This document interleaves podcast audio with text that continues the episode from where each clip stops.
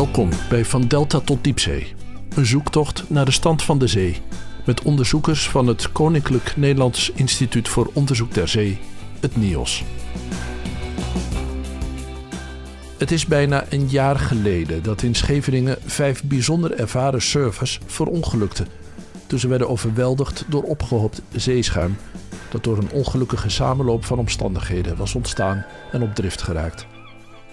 Marine-ecologe van het NIOS Katja Filipart, die al jaren onderzoek doet naar de algen die dit schuim veroorzaken, aarzelde toen niet, liet haar gebruikelijke werk vallen en ging op onderzoek uit naar de omstandigheden waaronder dit tragisch ongeluk had kunnen gebeuren. En dat trok de aandacht. Niet alleen van de nationale, maar ook van de internationale pers, tot aan CNN aan toe. In het gesprek met professor Filipart, dat een maand na het ongeluk is opgenomen, kijkt ze terug op die ongebruikelijke episode.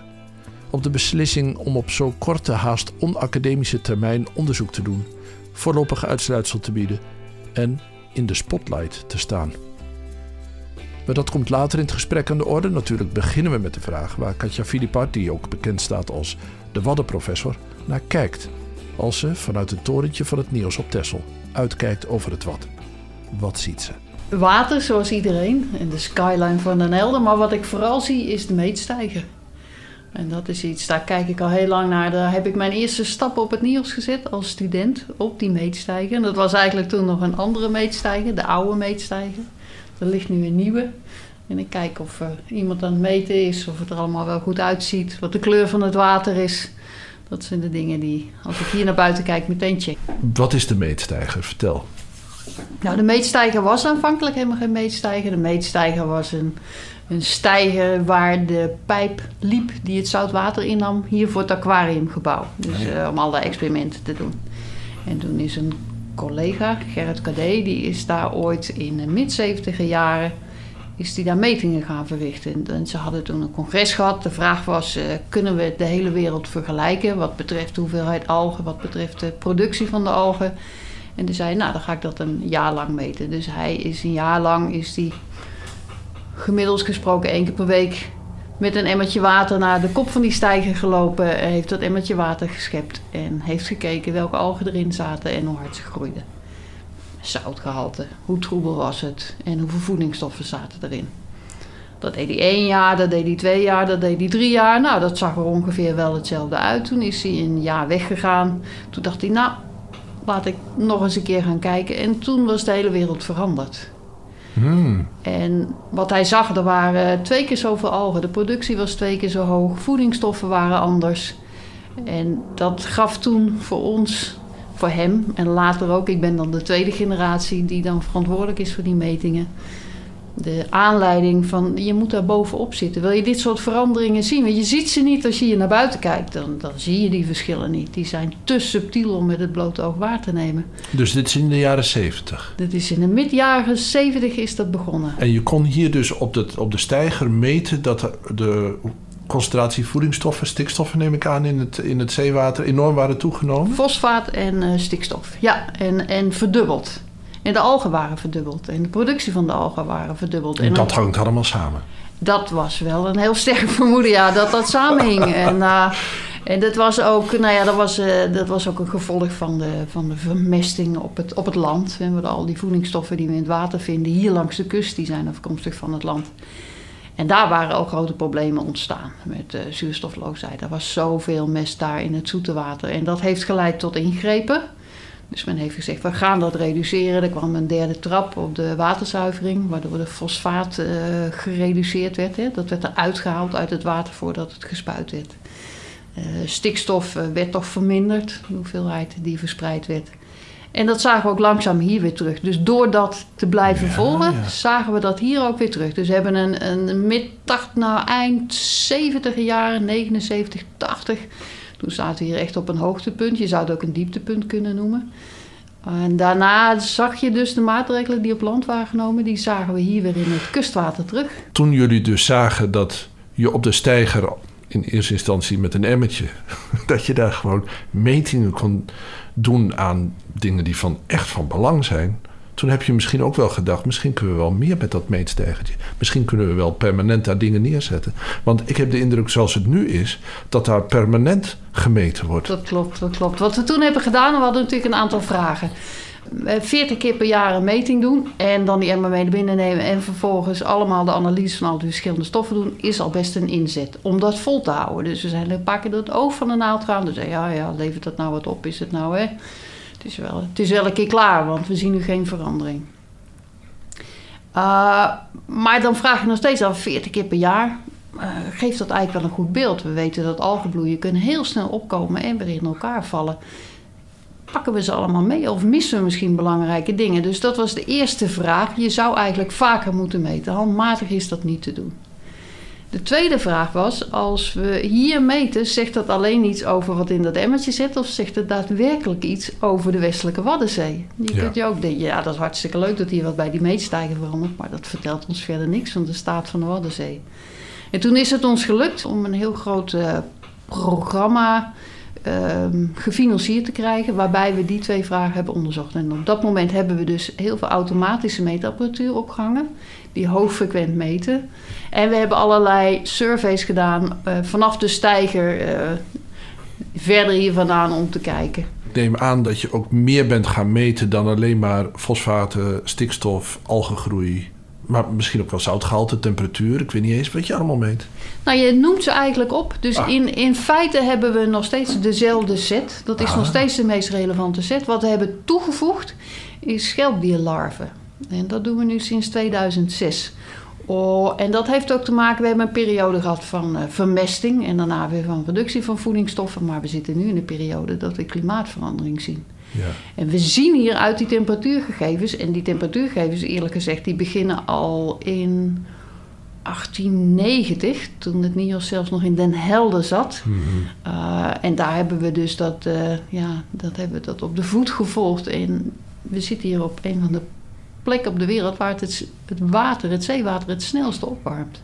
We zeggen altijd tegen studenten: als je effecten van klimaatverandering wil bestuderen, kom naar hier, want hier gebeurt het. Vanwege de ondieptes? Vanwege de ondieptes, ja, en vanwege de beslotenheid. Dus heeft ah, iemand ah, alle zeeën van de wereld vergeleken en de Oostzee staat op één. Even, en die is ook het meest omsloten, dus het land warmt dan nog sneller op, dus daarmee het water ook.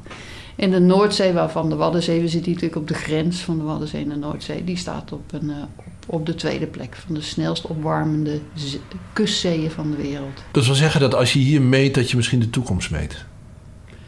Oh, misschien de toekomst op andere locaties. Ja, want dit is onze werkelijkheid. Hè? Dus uh, ja, dat, uh, dat zien we hier. En de aanleiding om naar schelpdieren larven te kijken was... nou, we zien heel veel verschillen van jaar tot jaar. Hè. De ene jaar heb je heel veel jonge schelpdieren, de andere keer heel weinig. allerlei ideeën hoe dat komt.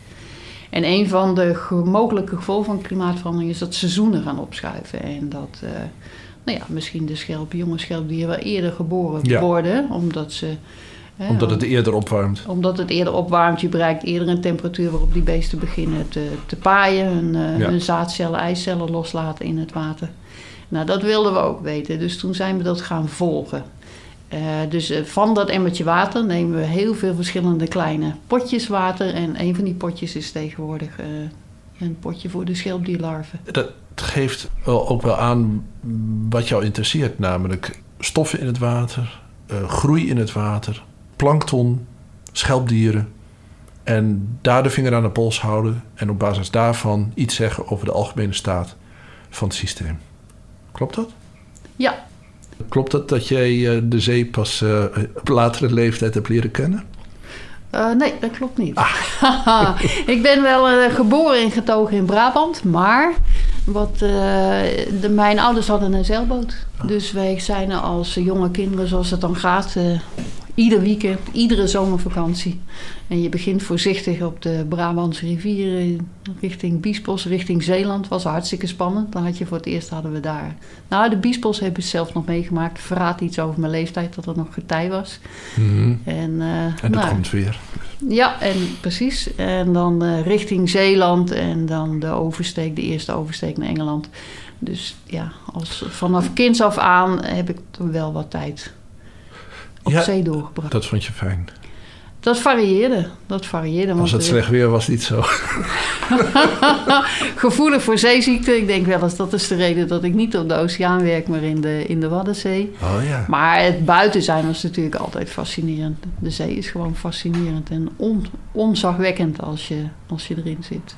Ja, maar wat, wat mij vooral opvalt in wat je nou vertelde, is dat het ook een. Jouw biografie is in feite een verhaal van, van de rivier naar de zee. Ik neem aan vooral de Maas, ik denk aan de Biesbos.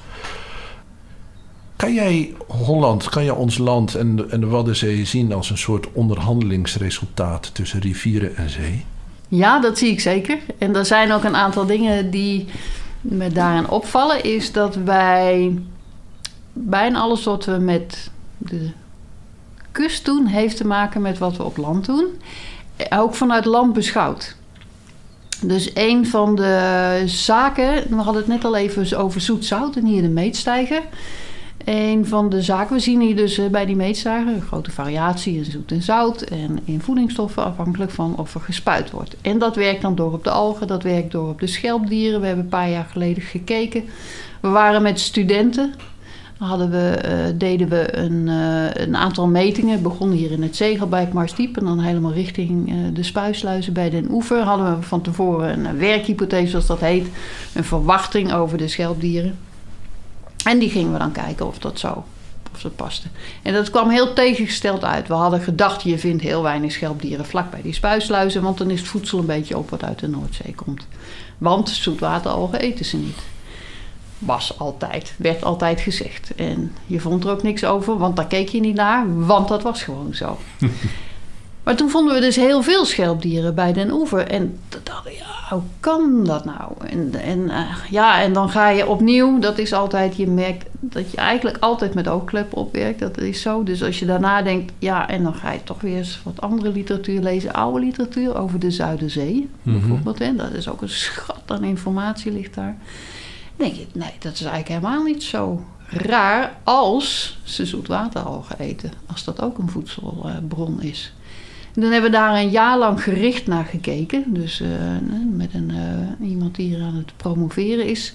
Die heeft dus een jaar lang allerlei uh, metingen gedaan. En schelpdieren, je hebt een techniek, dan kun je kijken. Stabiele isotopen heet dat. je bent wat je eet, dus je ziet aan de chemische samenstelling van je eigen vlees wat, jou, wat jouw dieet is. En daar, ja, en daar vonden we inderdaad dat voor beesten, schelpdieren die een beetje nou ja, onder, onder invloed staan van zoet water, is de helft van hun dieet is zoet water al. Je kan aan de, de staat van een element zien waar die vandaan komt. Ja, ja de verhouding ook. Ja. Ja, ja, precies. En, dan, en uiteraard neem je ook continu metingen van de achtergrondwaarden om zeker te weten dat je dat goed doet.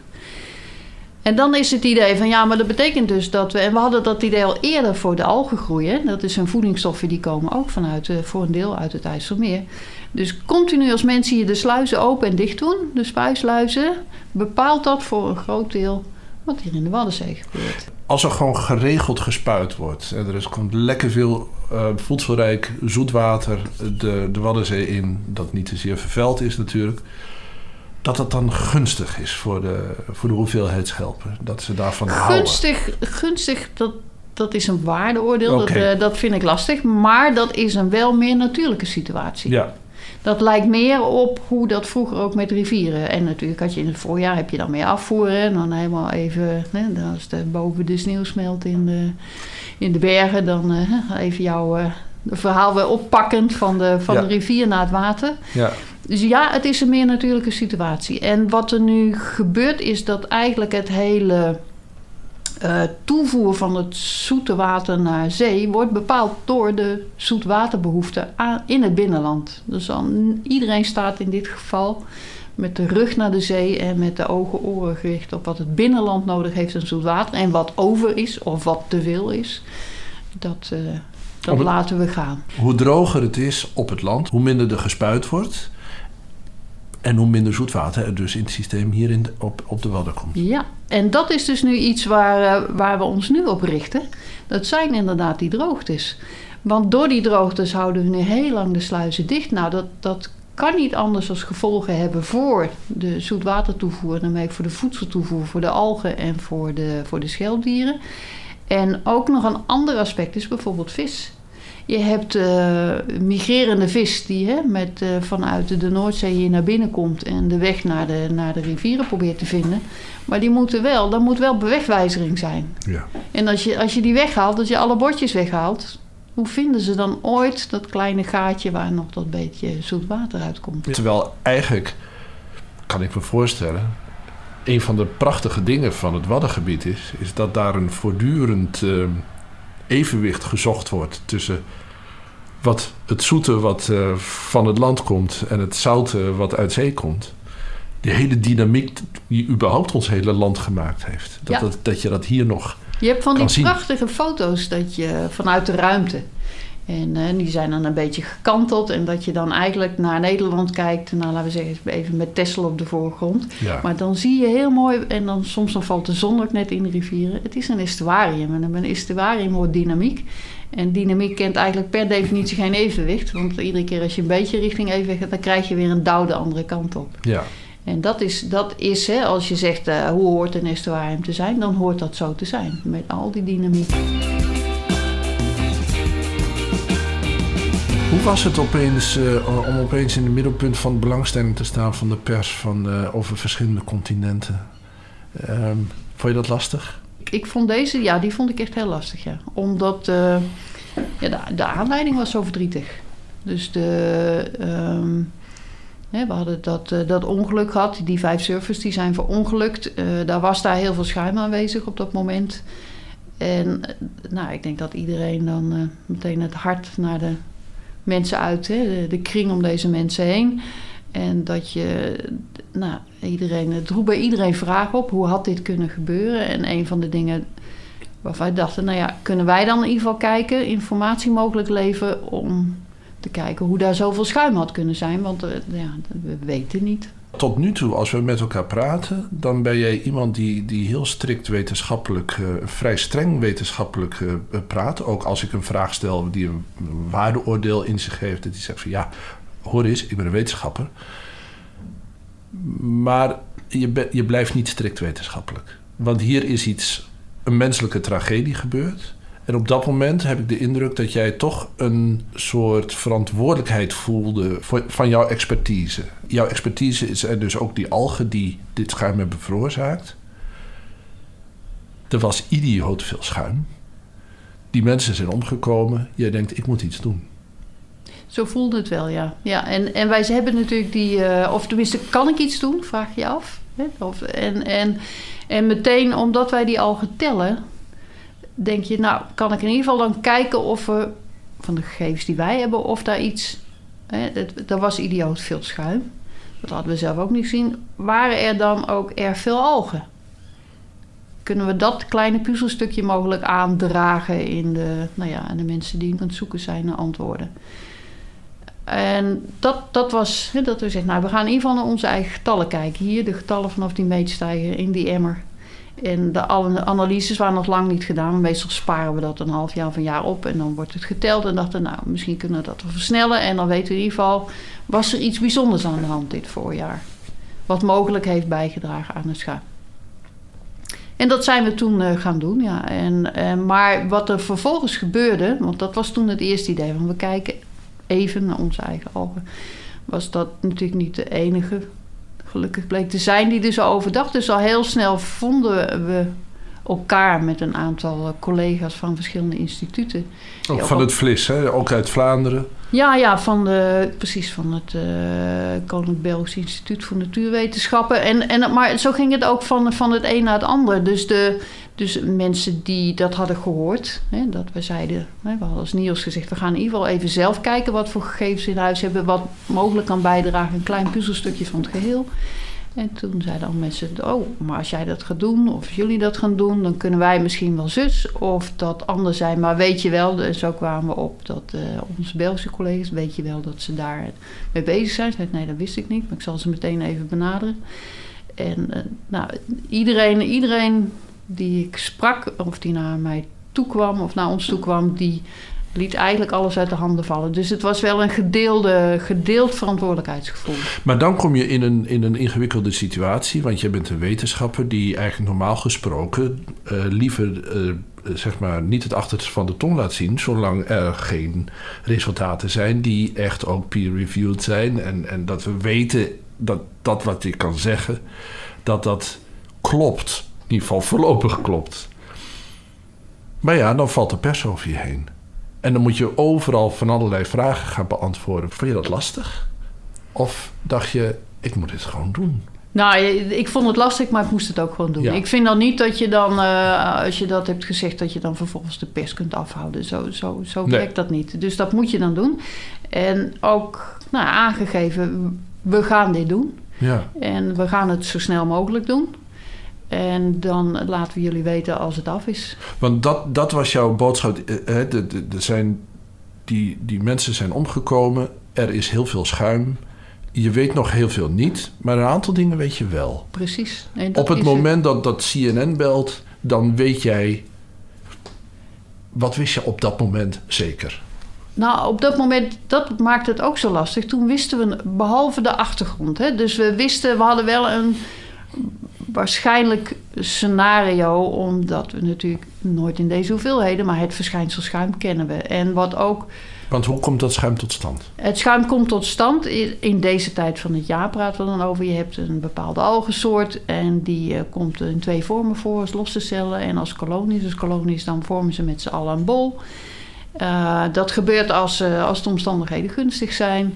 Um, en in die bol, en daar zitten de cellen in, die zitten daar los in. En die hebben ook een, een, matrix van een soort suikerachtige substantie. Uh, dat is voor hen heel prettig, want ze worden, kunnen heel slecht gegeten worden. Dus het is een hele mooie bescherming. En die cellen zitten ook in een beschermlaag van, laat dat maar even slijm noemen, uh, waardoor ze ook um, slecht te pakken zijn door virussen. Dus ze beschermen zich op, op wijze op die manier. Maar het is kostbaar om dat te bouwen, zo'n kolonie, en om het te onderhouden. Dus dat gaat goed zolang de weersomstandigheden goed zijn. Op het moment dat de omstandigheden, of de milieuomstandigheden, op het moment dat die slechter worden, er is minder licht, ze hebben continu licht nodig. Uh, of de voedingsstoffen zijn op in het water, dan begint zo'n kolonie uit elkaar te vallen. Op dat moment komt uh, die, dat slijm vrij. Dat kan al, uh, als het opgeklopt wordt, hè, dat is een beetje suikerachtig. Dat kan al tot schuim leiden. En op dat moment komen ook die cellen komen weer los in het water. Maakt ze kwets, kwetsbaar voor virusinfecties. Als dat gebeurt, klappen die cellen open en komen nog eiwitten vrij. Dus dan, dan heb je de potentie voor schuim. Maar dan heb je nog geen schuim, dan heb je een beetje slijmerig water. Maar dan heb je nog wind nodig om van dat slijmerige water schuim te maken. Uh, als je het nu reconstrueert wat er gebeurd is, wat, uh, wat is dan het verhaal? Het verhaal is dat er een aantal stappen zijn waar, waar je aan bepaalde voorwaarden moet voldoen. Wil je dat schuim krijgen? Dat konden we al beschrijven. Want dat was... In de, dat, was uh, dat is een algenbloei, dat is het uit elkaar vallen van de algen... dat is wind en dat is het ophopen langs het strand. Want het was een paar dagen heel mooi weer geweest... en het werd uh, maar op het moment nou ja, dat precies. Dus, dus we hadden op dat moment konden we schetsen... zoiets zal het ongeveer geweest moeten zijn. Ja, er was nu, veel licht geweest, maar nu, het werd opeens donker. Nu, nu hebben we daar allemaal... Hebben we aan alles hebben we kunnen linken hoe het in elkaar zat. Dus ja, het was inderdaad heel erg licht. Ja, er kwam toen in één keer een hele donkere dag. Waardoor het waarschijnlijk in elkaar gestortte. Ja, de wind stak op. De wind was uitzonderlijk, noord-noordoost. Dat is niet iets wat vaak in deze tijd van het jaar voorkomt de algen, de algenresten werden naar de, naar de kust geschoven. We hebben satellietbeelden dus dankzij collega's in Nederland en in, uh, in Vlaanderen die dat uh, laten zien. Die strook werd steeds breder, het begon steeds harder te waaien, het werd opgeklopt. Het werd op een gegeven moment, omdat je noord-noordoostenwind had, werd het ook een beetje min of meer parallel langs de kust, werd het dus naar... Uh, laten we zeggen, havenpieren, havenhoofden gedreven. Oh ja, het werd naar het zuiden gedreven, maar het bleef dus hangen op uitsteeksels, zoals het Noordelijk Havenhoofd bij Scheveningen. Dat was het verloop. Uh, onze aantallen klopten, die waren inderdaad heel erg hoog. Hoger dan dat we ze sinds 2009 hadden gezien. Dus er waren inderdaad, er waren niet veel algen, er waren heel veel algen. En er was niet veel wind, maar er was heel veel wind voor de tijd van het jaar. Dus een hele ongelukkige samenloop van omstandigheden. En dan tot en met het, het, nou ja, de, de middag van, uh, van 11 mei, begin van de avond. Wat je dan ziet is dan, dan heeft dat schuim zich al opgehoopt langs het strand en tegen dat noordelijk havenhoofd. En dan krijg je nog een, uh, dan, dan draait het getij om, om een uur of zes. Dan, dan ga je van de, je hebt eerst een, stroom naar het zuiden, die draait op een gegeven moment om, omdat je een kentering in het tij hebt. En de wind draait dan net iets meer van noord-noordoost naar noord. Waardoor er dus twee, nog twee factoren zijn waardoor dat schuim nog extra gaat bewegen. Eh, eh, dat is ook wind tegen tij?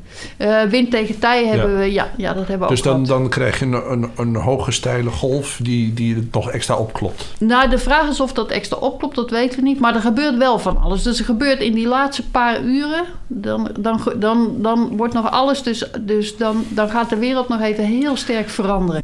Wat in eerste instantie de toon heeft gezet natuurlijk... was ook de vraag van, uh, vanuit de samenleving. Namelijk, is het schuim giftig? En dat was eigenlijk wel vrij duidelijk. Het schuim op zich was toch niet giftig nee. voor mensen? Nee.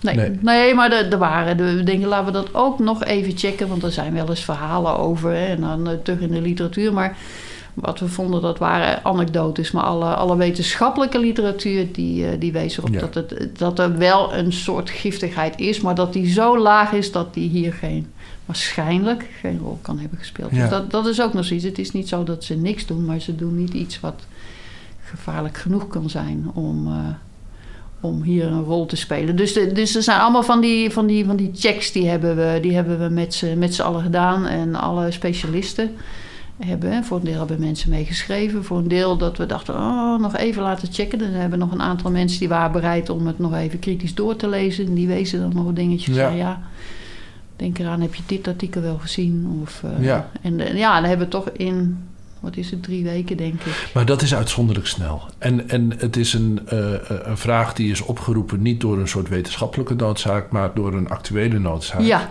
En het was ja. dus eigenlijk een soort noodsituatie waarin alle zeilen werden bijgezet om dit even ja. te klaren. En, hoe, en de, de aanleiding is verdrietig en de. de um, of over het algemeen ben je als academicus meer iemand van, van de lange termijn en, en van die korte termijn, dat, dat is wat ongemakkelijk. Hoe kijk je er nu op terug? Ben je toch blij dat, het, dat je dit hebben kunnen doen? Of blij is misschien het woord blij, niet. Maar... Blij is het woord niet. Nee, maar, maar, het, is, het, het, het, het, is wel heel goed dat het. Ik, eh, ik had het. Ja, het is wel heel goed dat we dit gedaan hebben met z'n allen.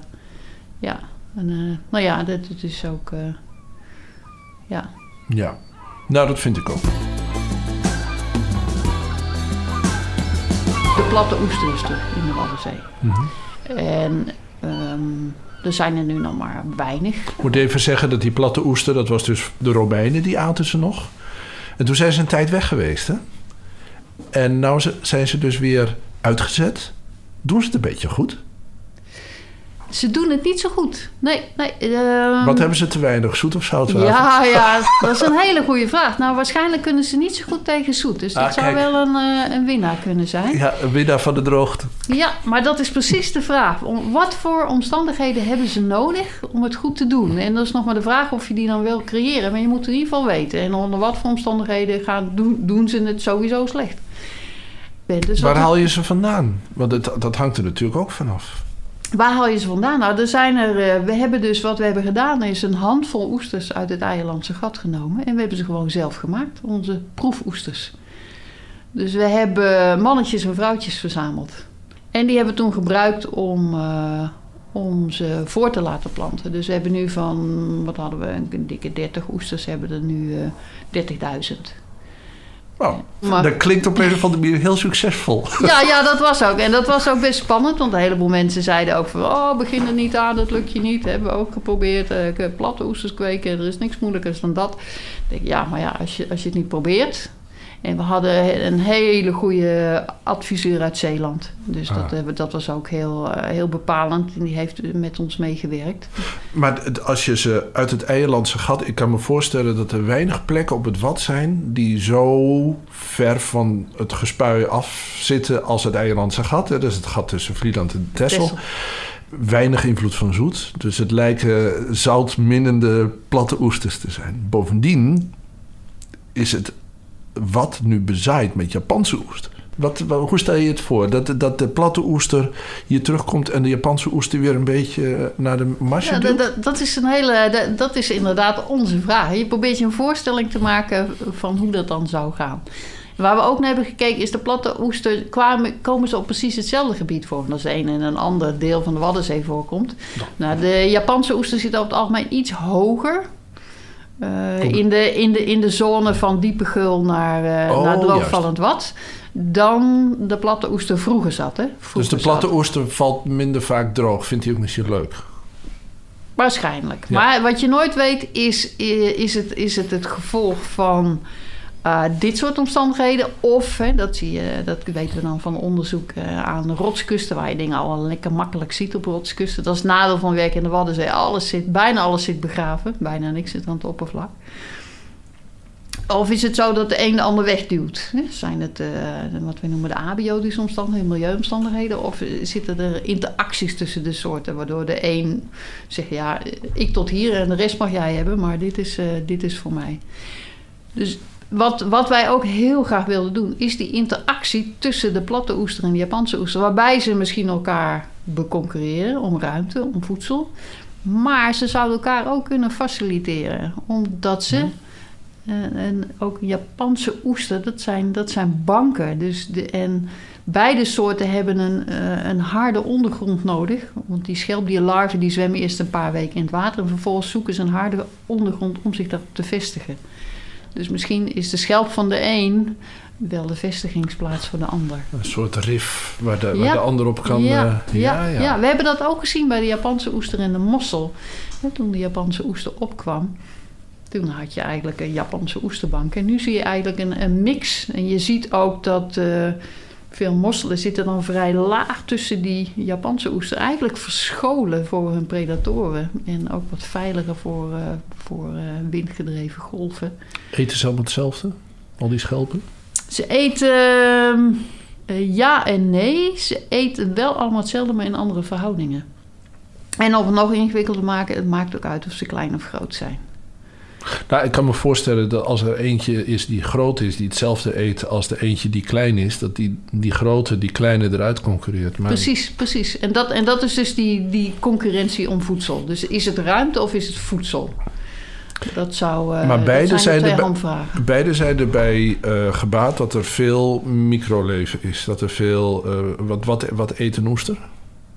De, zowel de oester als de mossel zijn vooral eh, filtreerders. Dus die halen de, de algen uit het water, voornamelijk. Maar toen wij dus naar, die, eh, onze gegevens keken van die stabiele isotopen waar we het eerder over hadden... het is ook niet zo dat ze zich daar helemaal ehm, alleen daarop richten. Ze, ze eten ook van meerdere walletjes. Ze eten ook een beetje van de bodemalgen. En ze eten ook een beetje van die zoetwateralgen. Het zijn ook opportunisten eigenlijk. Ja, En dat zullen ja, ze nou wel ja, moeten zijn, want ze zijn, eh, zitten op één plek en zijn ook maar een beetje afhankelijk van wat er langskomt. Ja, Ja.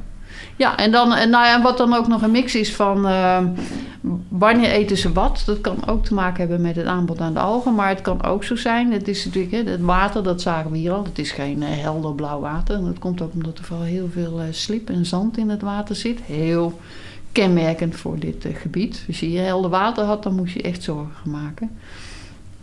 En als er veel slip in het, dus dat die, die, die fijne sedimentdeeltjes in het water zitten, dan kan het hun kieuwen verstoppen. Dus het kan ook zijn onder bepaalde omstandigheden dat er heel veel algen zitten. Ze hebben hartstikke honger, maar ze eten toch niet, omdat het hun kieuwen zou verstoppen. Zet het even tussen neus en lippen door. Als hier helder water was, dan zou je je pas echt zorgen moeten maken. Ja, Omdat, eh, ja, dat helder water zit niks in eigenlijk. precies. Ja. precies. Hmm. Laten we nog een keertje naar buiten kijken. Er, je hebt klimaatverandering. Je hebt ehm, daardoor het, eh, het opwarmen van het water. Je hebt daardoor ook het stijgen van het water ten opzichte van het land. Dat wil zeggen dat er ook de stromingen misschien wel harder worden. Dat er weer meer sediment binnenkomt. De vraag is, wat gaat er gebeuren met het vat? Gaat het, wat denk jij? Gaat het verzanden of gaat het verdrinken? Dat is een goede vraag. Wij, eh, wat je, hè, dat ik ben dan ook eh, bestuurslid van de Waddenacademie en daar zit eh, ook een eh, geoloog bij. En, dus daar praten we ook veel over. En wat we nu voor ons zien is een soort Volgorde, waarschijnlijk gaan we op korte termijn het meeste merken voor de, het leven in de Waddenzee uh, van de droogtes en van de hoge temperaturen. Daar zien we toch ook allemaal al sporen.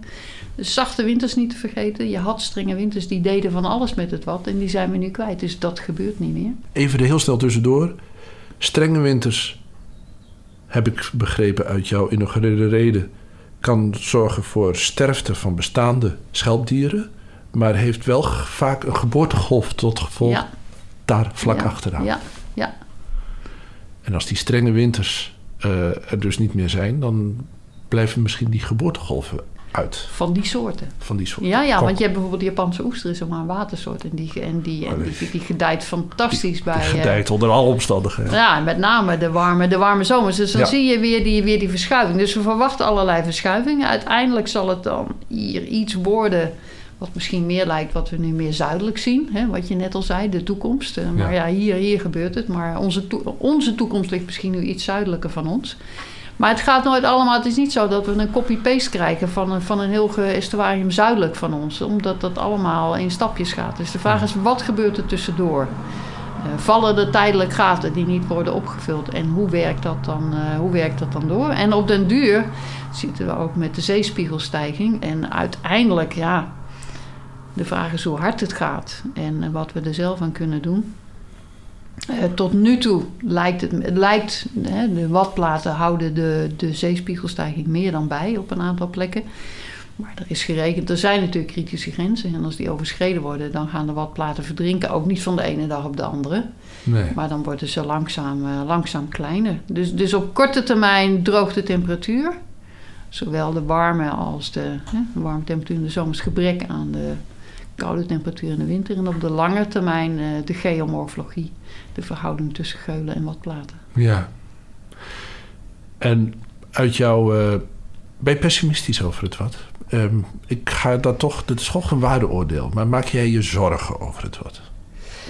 Um, tweesnijdend zwaard. Er zit een hoop dynamiek in. Dynamiek is onderdeel van. Dus in die zin niet. Waar ik me zorgen over maak is of wij daar wel goed mee omgaan. En dat we niet meer stuk maken dan nodig is. Of dat we aan de andere kant kiezen voor iets waardoor we de ruimte geven om die dynamiek uh, de weg te laten volgen zoals die waarschijnlijk gaat volgen. Daar maak ik me zorgen. Maken we de goede keuzes? Wat doen we verkeerd en wat doen we goed? Wat we, we hadden het al eerder over, dus uh, als het gaat over het spuien van het zoete water, tot nu toe kijken we eigenlijk alleen maar naar binnen, naar de vraag van binnen en helemaal niet naar de behoefte of de consequenties van buiten. Dat zou beter kunnen. Wat doen we goed, is dat we ook steeds meer zien dat heel veel mensen zich hier zorgen over maken en ook heel creatief aan het denken zijn van wat zouden oplossingen kunnen zijn om wat meer buffer te creëren voor het opvangen van die ontwikkeling die we doorgaan. Inclusief de economische aspecten, zoals het dubbele dijkenverhaal. Dat vind ik ook een hele mooie verkenning. Dus, we weten niet zeker wat de oplossing is, maar als we het nu niet verkennen, dan komen we er nooit achter. Ja, dat is iets wat, wat de, de Tesla's kennen van de slufter. Dat je het, een plek hebt waar het de zee binnen kan komen. En daar ligt dan die, die zandduik uit uh, de 17e eeuw. Ja. Uh, maar je hebt ook het kierbesluit natuurlijk. Ja, je hebt ja het, uh, kierbesluit, precies. En, en het plan om die kunstmatige rivier te maken ja, in de Wadden. de vismigratierivier. In de afsluitdijk. Ja. Dat, Ja. zijn, dat zijn dingen waarvan je zegt, daar, daar word ik wel vrolijk van. Ik vind dat, ja, dat, daar, dat, dan zie ik inderdaad en ook op een schaal dat ik denk, goh, dit, dit kon er wel eens soda aan de dijk zetten. Dus dat, dat vind ik echt heel mooi. En ook, ja, mensen steken hun nek uit om zoiets te doen, want het is best wel tegen, te- Ja. eh, tegen, de, tegen de stroom in om dit te doen. En eh, als het werkt, dan kan het echt zo'n voorbeeldfunctie hebben van... hé, hey, dat werkt. Kunnen we dat op meer plekken doen? Of dit werkt wel onder die omstandigheden die niet. Nou, waar vinden we die omstandigheden, waar vinden we het niet? Dus dat, dat vind ik echt heel mooi. Dus de dynamiek ook die in mensen zit om hiermee om te gaan... met de dynamiek van de Waddenzee.